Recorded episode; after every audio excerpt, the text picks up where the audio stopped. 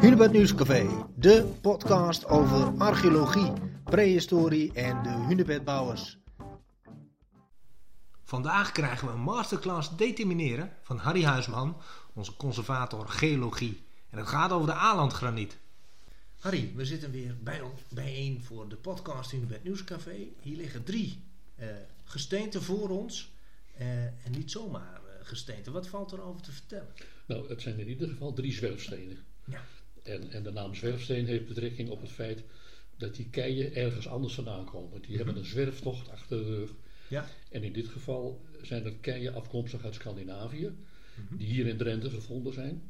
En die hebben te maken met de ijstijd. Nou, dat kent langzamerhand iedereen. Uh, uit Scandinavië hebben we in de ijstijd uh, gletsjers gehad. En die zijn samengegroeid tot een soort landijskap. Uh, te vergelijken met Groenland en Antarctica. Mm En dat ijs heeft ontzettend veel puin en rotstukken meegenomen uit Scandinavië. En bij het afsmelten is dat hier blijven liggen. Mhm. Dus vandaar dat je in het Hondsruggebied, maar überhaupt in Drenthe, ontzettend veel stenen, grote en kleine keien tegenkomt. Van een aantal van die keien uh, hebben we door onderzoekingen achterhaald waar ze vandaan komen. En dat noemen we gidsgesteenten.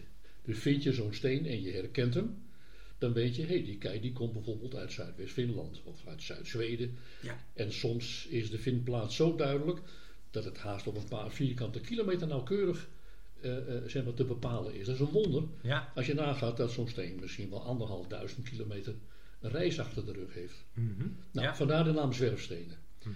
En een van deze drie stenen die we hier bij elkaar hebben liggen, dat noem ik wel eens de lange afstandskampioen.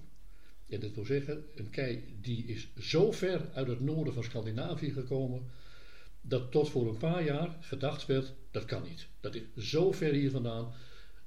Het ijs in de ijstijd kan nooit uit Zweeds Lapland, boven de pool, zitten notabene, daar stukken rots hebben meegenomen en uiteindelijk, na een reis van duizenden jaren, op de grond hebben achtergelaten. En toch is dat zo.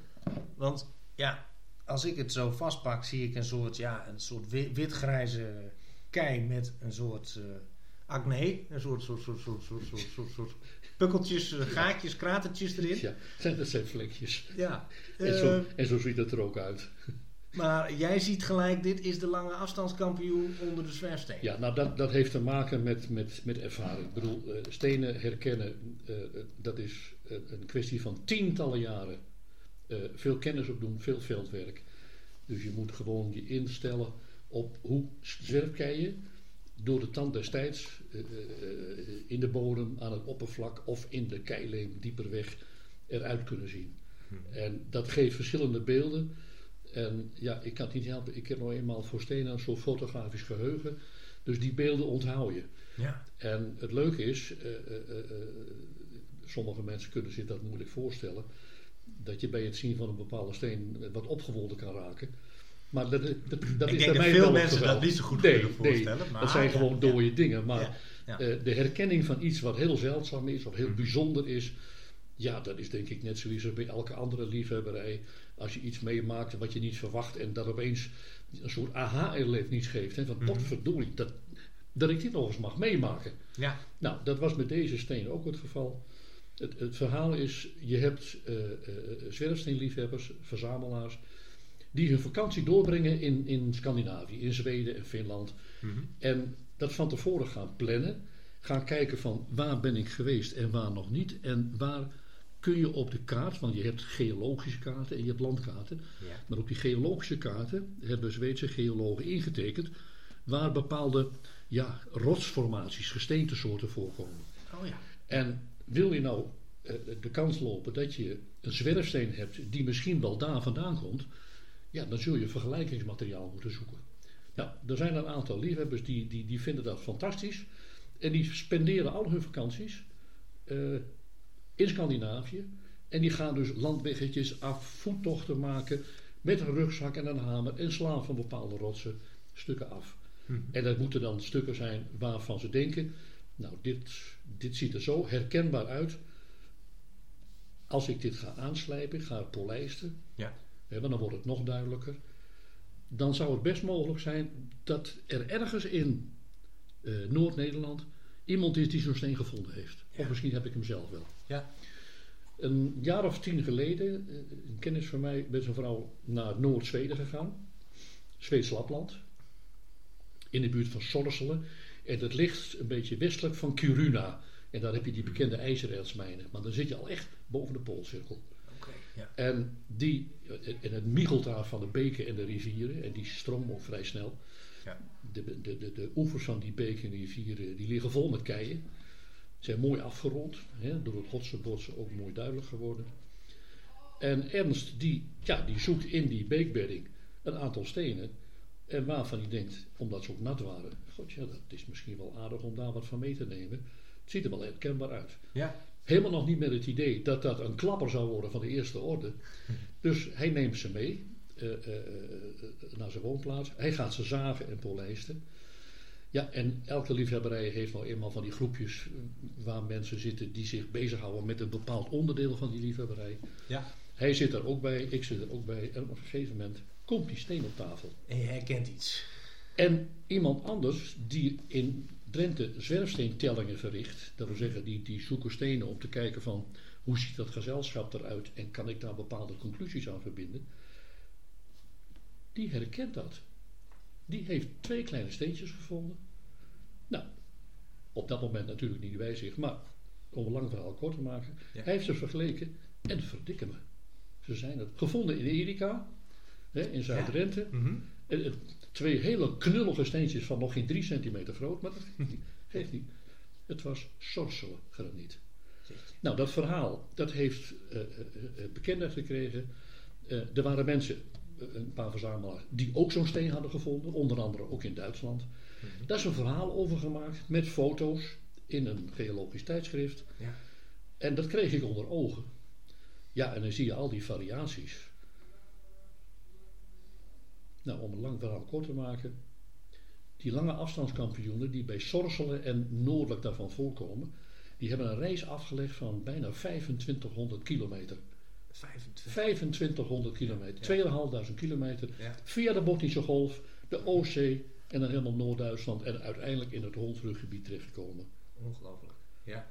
Sterker nog, ik ben de enige in Nederland die tot dusver zoveel gevonden heeft.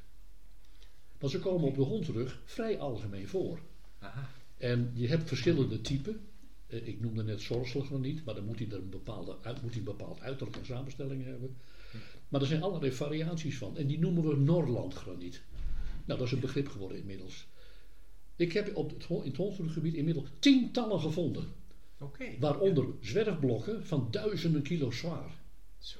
Typisch ja. Noordlandgraniet. En dat is een groep granieten waarvan tot dusver dus gedacht werd, nou, dat kan niet, die kunnen hier niet voorkomen. Dat is zo ver van ons vandaan, ja. dat heeft het ijs nooit voor elkaar kunnen krijgen. Nee.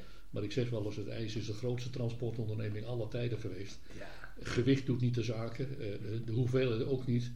Alleen de tijd speelt een rol en het moet ijs blijven. Nou, Ja. en dat is gebeurd. Dus die dingen zijn nu helemaal uit Noord-Zweden hier in Drenthe terechtgekomen. En om nou het verhaal af te maken, we hebben hier een keiertuin bij het Unibed Centrum. Ja. Daar liggen duizenden stenen, Mhm. voornamelijk uit eh, Oost-Drenthe. Ja. En Harry Wolters, directeur en ik liepen door de keiertuin heen. Er was net een nieuwe hoop keien was afgeleverd. En ik pik daar eentje uit. Een soortslagreet. En ik laat hem zien aan hem. Nou ja, zegt hij, dat is toch ook idioot. Je bent nog geen vijf minuten op die bult aan het kijken en je pikt er een uit. Ik zeg, ja, dat is vindersgeluk. ik loop een klein eindje terug, ik draai me om. Je wil het niet geloven. Daar ligt een steen van bijna 60 centimeter. Ook een soortslagreet. Dus binnen vijf minuten twee exemplaren Ja. van dat typische stuk graniet. Wat je dus helemaal uit Noord-Zweden moet hebben gekregen. En die kun je dus nog steeds hier in de keituin vinden. Ja, die ligt er nog steeds, ja. En ik heb er met een voorhamer een stuk van afgeslagen. Want, want je kunt wel denken van ja, dat is dezelfde. Maar je moet het onder een microscoop bekijken. Je moet die mineralen kunnen herkennen. En, en het beeld moet kloppen. Kortom, het is niet zo van eventjes eh, een koolmeesje. En oh ja, dat is een koolmeesje. Nee. Je moet er wel iets voor doen. Ja. Maar ik heb er een stuk van- van die grote kei afgeslagen. Nou ja, onmiskenbaar. Ja. En ook verteld aan mijn collega-verzamelaars in een studiegroep. Dat er inmiddels in het Hondsruggebied van deze sorselgraniet. Ja, zo'n 20, 30 exemplaren zijn gevonden. Ja. Waarvan eentje van ruim 60 centimeter. Nou ja, zulke ogen natuurlijk. Ja, fantastisch. Ja, je, je vertelde net al even van er moet iets met die steen gebeuren. Hè? de slijpen, polijsten. waarom doe je dat? Om het duidelijk te maken. Niet alleen, het, het is ook het, het, het, esthetisch aspect hoor. Mhm. want je ziet die keien op tafel liggen. Ja. Of ze liggen ergens in, in de openbare ruimte, zeg maar. Ja, dat zijn objecten. En, en de ene is wat roodachtig en de andere is wat grijsachtig. Niemand ziet daar iets aan, behalve dat het een kei is. Ja, ja. Maar eh, ja, kijk je daar doorheen en wil je weten wat het is, ja, dan moet het duidelijk zijn, moet die schoon zijn. Ja. Dus een van de eerste dingen is dat je je stenen die je vindt, dat je die schoonmaakt. En ook goed schoonmaakt. Mm nou, en dan kun je met een, uh, met een handloepje kun je kijken van, kan ik wat herkennen? Komt het ergens mee overeen? Kan ik die vergelijken met, uh, met bepaalde beschrijvingen en foto's? Ja. Maar je hebt mensen die hebben een zaagmachine, een diamantzaagmachine. En die klemmen die zwerfstenen in, uh, in die machine. En die diamantzaag, ja, dat is een kwestie van een paar minuten. Ja. Dan is zo'n steen doorgezaagd. Ja. En dan wordt hij na het zagen vlak geslepen, helemaal glad geslepen. Ja. En uiteindelijk gepolijst. En dat is eigenlijk het effect wat je ook ziet uh, in, in, in, in sommige keukens met granieten aanrechtbladen. Die spiegelglad gepolijst zijn. Ja.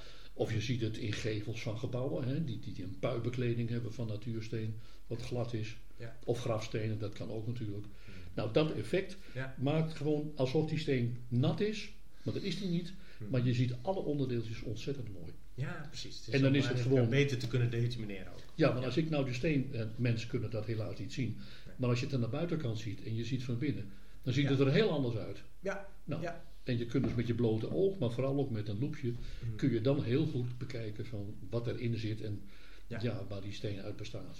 Mooi, dankjewel. Dit was alweer een podcast van het Hunebed Nieuwscafé. Meer weten? Kijk dan op hunebednieuwscafé.nl voor meer podcast en meer achtergrondartikelen.